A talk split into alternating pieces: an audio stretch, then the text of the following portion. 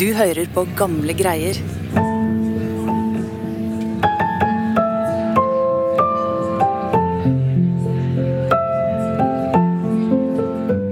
Du hører på en spesialversjon av Gamle greier. Ukas episode ble spilt inn tirsdag 7. november med publikum på Nasjonalbiblioteket på Solli plass i Oslo.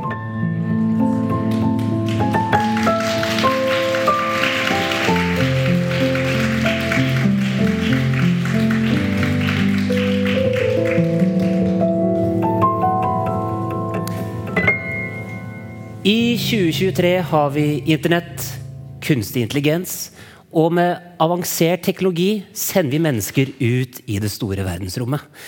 Men eh, til tross for dette så har vi på noen måter ikke kommet lengre enn våre forfedre i middelalderen eller på 1800-tallet. For smerten ved å miste noen man er glad i, er like stor i dag som den var for tusenvis av år siden. Og mange spørsmål knyttet til døden er ubesvart også i dag. Spøkelser, ånder, har til alle tider opptatt oss fordi vi mennesker har et behov for å forklare det uforklarlige. Så velkommen til Gamle greier live. Jeg heter Lars Hamren Risberg, og med meg har jeg kollegaene mine her. Lokalhistoriker Chris Nyborg.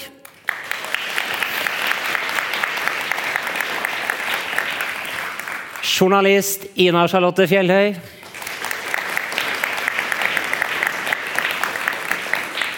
Og på piano i kveld Håvard Antonsen. Hovedpersonen i den første historien er en sogneprest. Og kildene er bl.a. rettsdokumentene og prestens egne nedtegnelser. Vi skal altså få høre sogneprestens egne ord i denne historien. Og det er Chris som skal fortelle, og det hele begynner en høstdag 21.11.1686.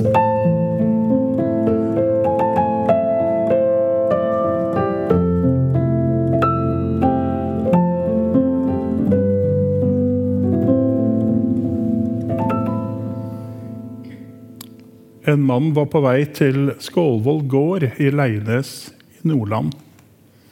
Det var vinter, og en kald vind blåste friskt rundt ham. Det hadde begynt å bli mørkt. I skumringen kunne han snart se omrisset av gården mot horisonten. Mannen var ikke hvem som helst. Han het Arendt Hartvigsønn og var sogneprest. Han var en av de mest respekterte mennene i lokalsamfunnet. Nå var han ute på et viktig oppdrag som han tok på stort alvor. Han var invitert av bonden som bodde på Skålvoll gård. Da han omsider kom fram til gården, var det mørkt ute. Han ble møtt av ekteparet Nils Jensson og Synnøve Andersdatter, som straks inviterte sognepresten inn i varmen. Han var invitert fordi ekteparet trengte hjelp. Det skjedde nemlig uforklarlige ting på gården.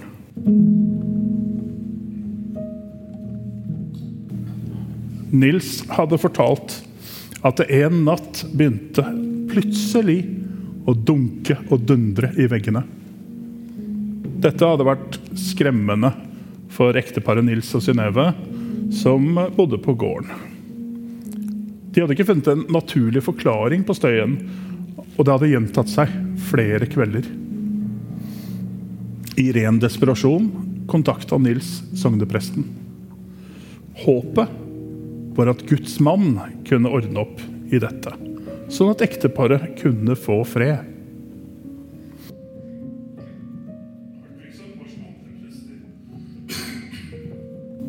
Hartvigsen var som andre prester opptatt av å bekjempe djevelen og andre mørke krefter.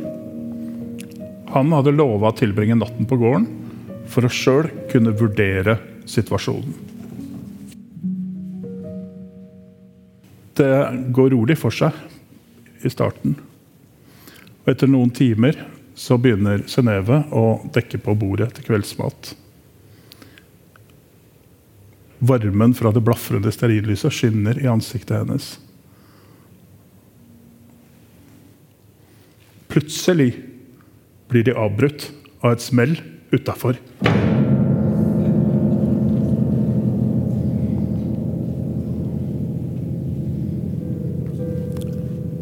Vi hørte et slag nede i gården, hvorpå vi straks løp derhen.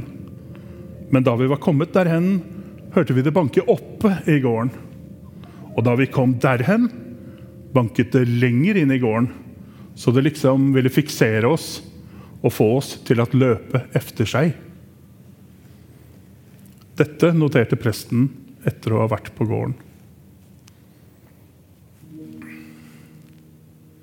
Med blafrende lykter lette de i kriker og kroker rundt om på gården og gikk etter lydene som flytta seg rundt, men fant ingenting.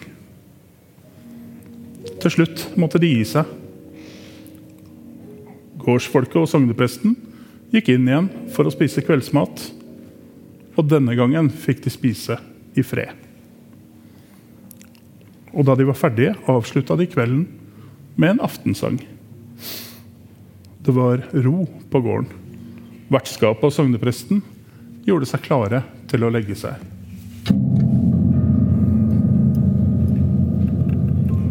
Da dundra det i stuedøra. Som presten skrev, så som eftertrykk som huset skulle skjelve. Denne gangen ga ikke dunkinga seg med det første. Sognepresten så at Nils og Synnøve ble urolige og redde. Men nå tok Hartvigsson kontroll på situasjonen. Det var tydelig for han at det var mørke krefter på gården. Her var det et spøkelse. Som Guds mann var det hans ansvar å drive bort ondskapen. Nå gjaldt det å slå tilbake. Men hvordan skulle sognepresten gjøre det helt konkret? Altså, Hvordan slår man tilbake en sånn ondskap? Ja, På 1600-tallet er vi i en tid hvor nær sagt alle er sikre på at Gud har skapt verden, og at djevelen er en mørk kraft som prøver å ødelegge for Gud. Kampen mellom det gode og det onde den skjer overalt. Og I denne kampen så er Kirken og Guds mann i bygda de er helt i frontlinja. Og For ekteparet Nils og Synnøve er det faktisk mye som står på spill. For hvis djevelen har flytta inn på gården, så kan avlingene bli ødelagt. De kan bli besatt av djevelen. Det er virkelig krise.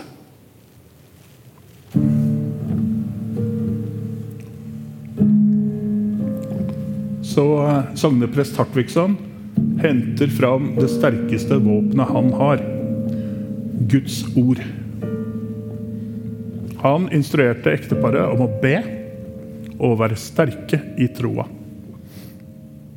Og mens det dundra i veggene, så ba ekteparet sine bønner igjen og igjen.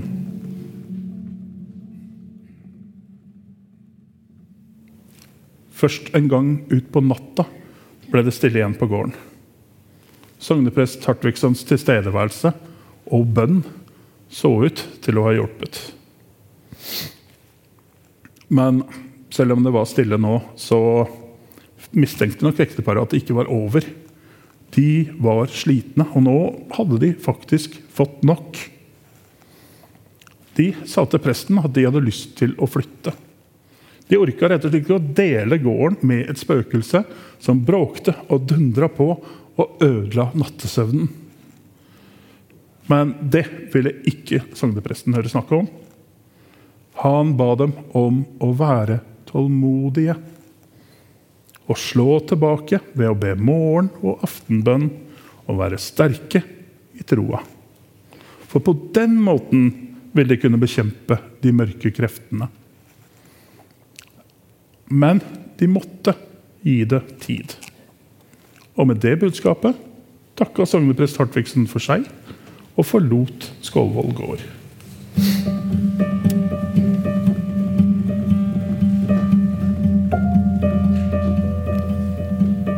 Ukene og månedene gikk.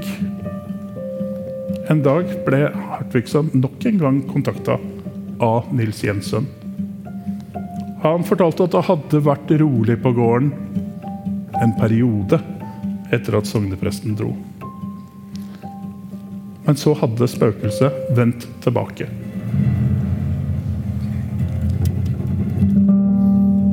Presten må ha gjort store øyne da Nils fortalte videre. For denne gangen hadde det ikke bare vært snakk om noen eh, bankelyder her og der. Enda merkeligere ting hadde begynt å skje. Ikke bare om natta, men på høylys dag. Ekteparet hadde to håndkverner som de brukte når de skulle male mel. Og når de sto og sveiva kverna, så skjedde det helt uforklarlige ting. Plutselig kunne det fly gjenstander gjennom rommet mot personen som brukte kverna. Presten eh, fortalte folkene hadde ikke fred når de skulle male, men ble slått med hva løst lå i gården. Nils forklarte videre at de kunne bli truffet av gjenstander i både ansikt og på ryggen. Men eh, at det aldri var så hardt at de ble skada av det. At spøkelset nå var mer aggressivt, det forsto jo sognepresten raskt.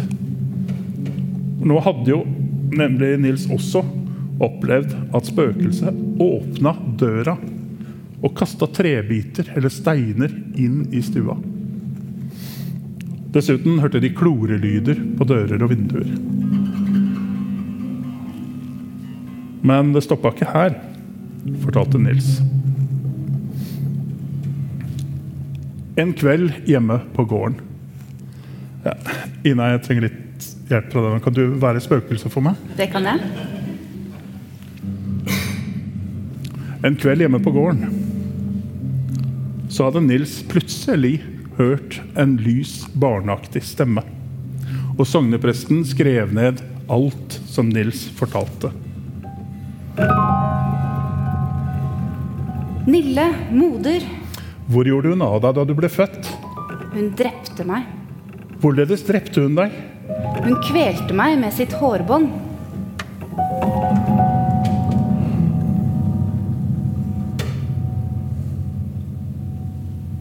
Nils mente altså at han hadde hatt en samtale med et spøkelse. Et barn som fortalte at moren, som het Nille, hadde drept det. Spøkelset skulle også ha fortalt at Nille hadde kvitta seg med liket ved å begrave det i brannkjelleren, ei steinur et stykke unna. Var det vanlig på 1600-tallet Chris, at folk trodde at eh, spøkelser snakket med levende mennesker? Altså, Hvor mange kilder har vi på dette? Nei, altså Vanlig var det ikke. Folketro, at man trodde på nisser og vetter og skrømt, det var vanlig. Men å faktisk føre en samtale med et spøkelse, det er det ikke så ofte vi hører om. Nei, Men sognepresten han hadde altså blitt tilkalt til det vi i dag må kunne kalle det som en, eh, det å være en eksorsist. eh, Så hvordan skulle han hamle opp med denne utfordringen? da? Ja, Da sognepresten hørte dette, så må han jo tenkt over hva slags muligheter han hadde som Guds mann. Han hadde jo prøvd bønn, men det hadde ikke hjulpet. Og ikke bare plaga spøkelset den stakkars familien til Nils. Denne saken hadde jo nå utvikla seg til noe mye mer alvorlig. Spøkelset hevda jo at det hadde blitt drept av denne Nille. Sognepresten hadde rett og slett fått en drapssak i fanget.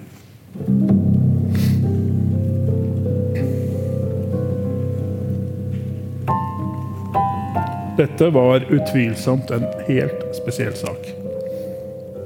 Hartvigsson skjønte at han klarte ikke å løse dette alene. Han trengte hjelp. Så sognepresten satte seg ned og skrev et brev til en kollega. Jens Møyniken, som var prest i Bodø og prost i Salten, og ba om råd. Og da svaret kom, fikk han et tydelig råd om å finne kvinnen Nille. Og snakke med henne og få på det rene om hun hadde utført ugjerningen. Og deretter få en tilståelse. Dette ville forhåpentligvis gi spøkelset fred.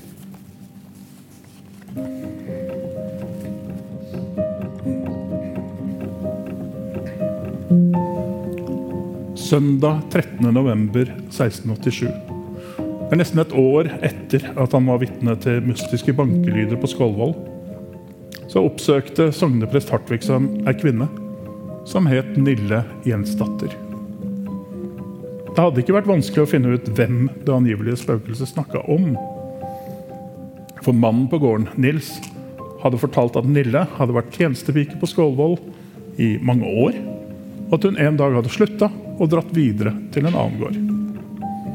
Og Nils var ikke i tvil om at det var denne kvinnen spøkelset snakka om.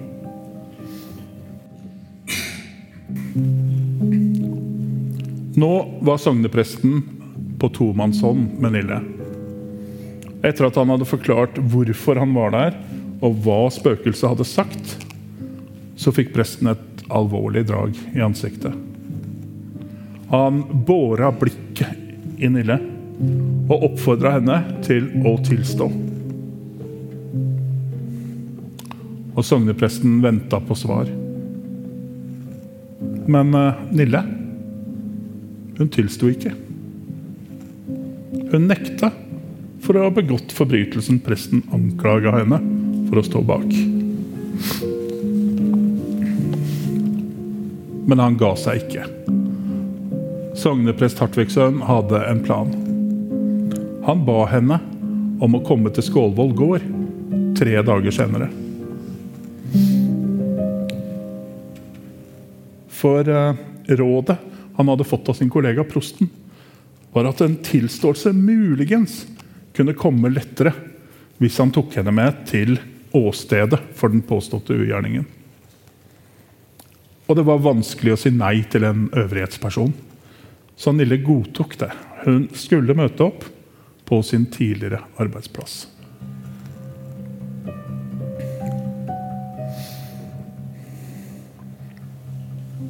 En mørk novemberkveld så møttes de to igjen på Skålvoll gård, hvor det angivelige spøkelset herja. Gården var fredelig i eh, kveldsmørket, men gårdsfolket fortalte sognepresten at spøkelset tidligere på dagen hadde lagd mye bråk kasta gjenstander rundt seg. Så de mørke kreftene på gården hadde ikke gitt seg. Sognepresten tok Nille til side og de to gikk ut på gårdsplassen i den mørke novembernatta. Nok en gang satte han blikket i henne og oppfordra henne til å tilstå. Og i den kjølige vinterlufta så begynte Nille å snakke. Ja, hun hadde tatt livet av et barn for 14 år siden. Akkurat som spøkelset hadde anklaga henne for. Det var hennes eget nyfødte barn. Et barn hun hadde født utafor ekteskap. Dette må ha vært eh, et tungt øyeblikk for Nille, for presten kom med disse trøstende orda. Nåden i himmelen er dog større enn synden på jorda. Så han var klar på at hvis hun bare angra og var sterk i troa, så ville hun bli tilgitt. Hvis noen etter det her trodde at Nille var uskyldig, så skulle spøkelset snart sørge for noe annet.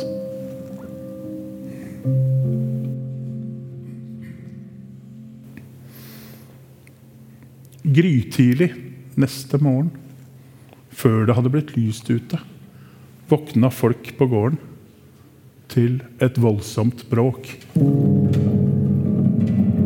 Sognepresten befalte Nille til å gå bort til håndkverna og male mel, mens presten sto med et lys i hånda.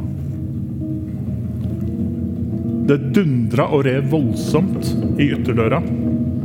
Spøkelset ville åpne døra, Presten gjorde sitt beste for å holde igjen. Men kraften på den andre sida av døra var for sterk, og plutselig ble døra revet opp. Et gufs med kjølig vinterluft blåste inn i huset. Og så gikk døra igjen med et brak. Presten fikk en av de andre til å presse seg mot døra for å holde den lukka. Og resten av de vettskremte gårdsfolka sendte han videre innover i huset. Nå var spøkelset godt i gang med å herje. Steiner og kjepper fløy gjennom rommet og traff folka som hasta innover mot stua. Nå trenger jeg snart din hjelp igjen, Ina. For plutselig skar en barneaktig stemme gjennom huset. Og så fulgte en samtale mellom sogneprest Hartvigsson og spøkelset. Nille, moder, Hva vil du henne? Jeg vil plukke henne sønder. Er du et Guds barn? Nei. Er du en fordømt ånd? Ja.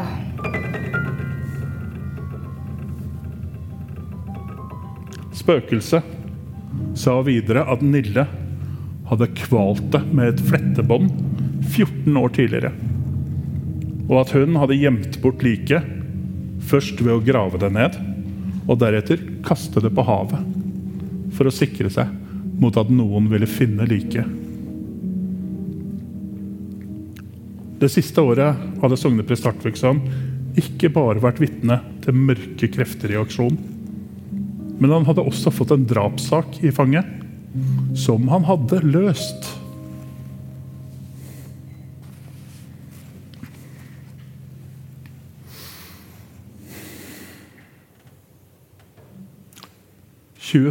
november 1687 møtte Nille Jensdatter i retten. Der tilstod hun igjen å ha drept sitt eget barn. Hun ble funnet skyldig i barnedrap og dømt av ti lagrettemenn. Straffen var døden ved halshogging. Henrettelsesdatoen ble satt til tre uker senere.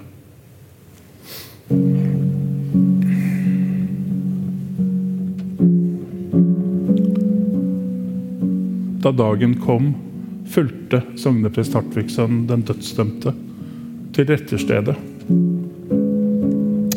Han var vitne til at Nille Jensdatter trakk inn den kalde vinterlufta en siste gang. Hun hadde drept sitt eget barn og gjort sitt beste for å skjule liket. Nilles siste time var kommet. Nå skulle hun få sin straff.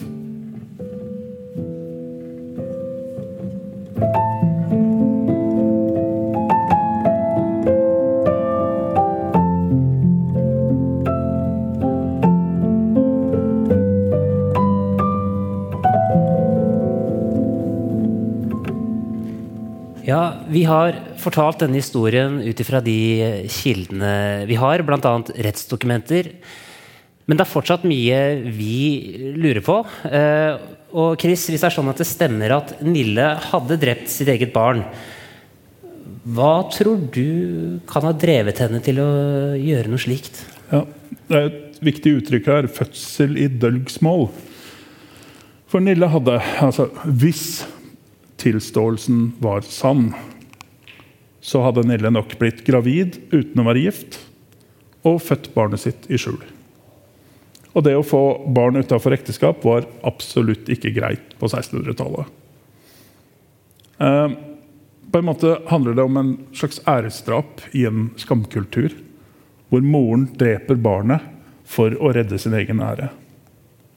Men det kan også rett og slett være fortvilelsen over å ikke kunne fø på sitt eget barn og seg sjøl.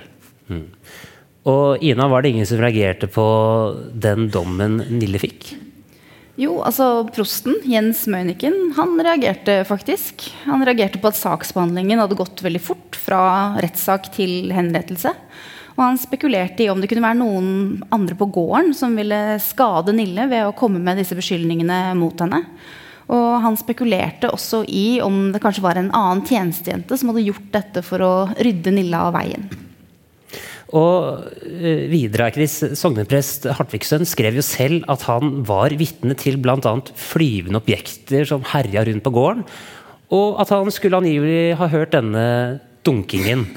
Men eh, med dagens øyne og eh, vitenskap så er jo dette her åpenbart bare tøv. Men altså, hvordan skal vi tolke det? da? At han hevdet det Hadde han kanskje en motivasjon for å ljuge? Det er, det er, vanskelig å sitte her flere hundre år etter og spekulere i hans motiver og tankegang. Uh, men en forklaring er jo at han virkelig trodde på dette. Hvis Møyniken hadde rett og han hadde blitt lurt, og han trodde på det. En annen forklaringsmodell er at han kanskje følte seg veldig forplikta til å spille med. Fordi han var jo tilkalt for å rydde opp i et problem og følte nok et veldig stort ansvar for de som bodde på gården og sleit med det her. Mm. For Nille tilsto jo å ha drept sitt eget barn på eh, gården, og vi vet at hun ble henrettet da 16.12. i 1687.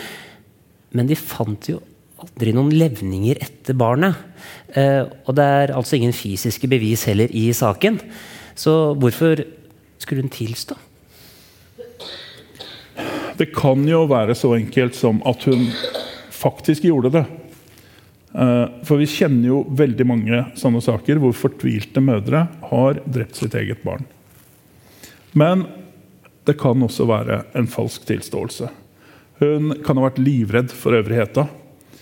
Eh, hvis presten insisterte på at hun skulle tilstå, og trua med helvete Det er viktig å huske at Kirka hadde en helt annen status enn i dag. hadde mye makt. Og den saken her minner meg veldig om hekseprosessene i samme periode. Hvor folk tilsto mye rart som de ikke kan ha gjort, sånn som å fly på sopelimer. Livet på 1600-tallet var ofte kort og brutalt. Men evigheten, den er lang.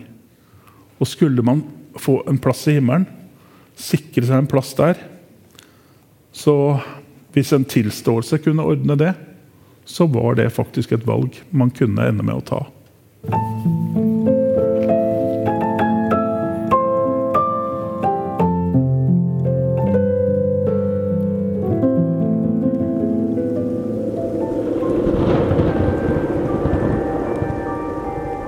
Hva eller hvem var det som sto bak dunkelydene?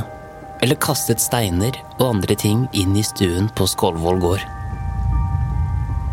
Som det ble påpekt mot slutten her, kan det ha vært en tjenestepike. Eller noen andre på gården som rett og slett ville rydde Nille av veien. Mange spørsmål forblir ubesvarte. Men én ting vet vi. Denne saken fikk et etterspill. Da kong Kristian 5. i København fikk høre om denne saken, tok han affære. Han syntes ikke noe om dette her, og kritiserte mangelen på fysiske bevis i saksbehandlingen. Kongen krevde nå en kongelig resolusjon i vanskelige og tvilsomme saker hvor én person ble dødsdømt.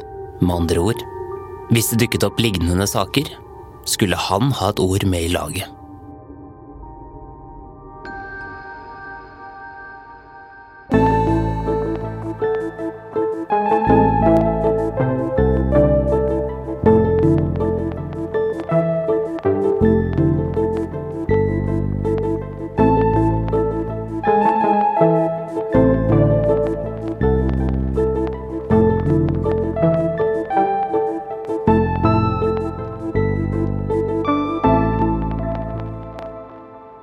Episoden er laget av Dang Trind, Live Fele Nilsen og meg, Lars Hamren Risberg.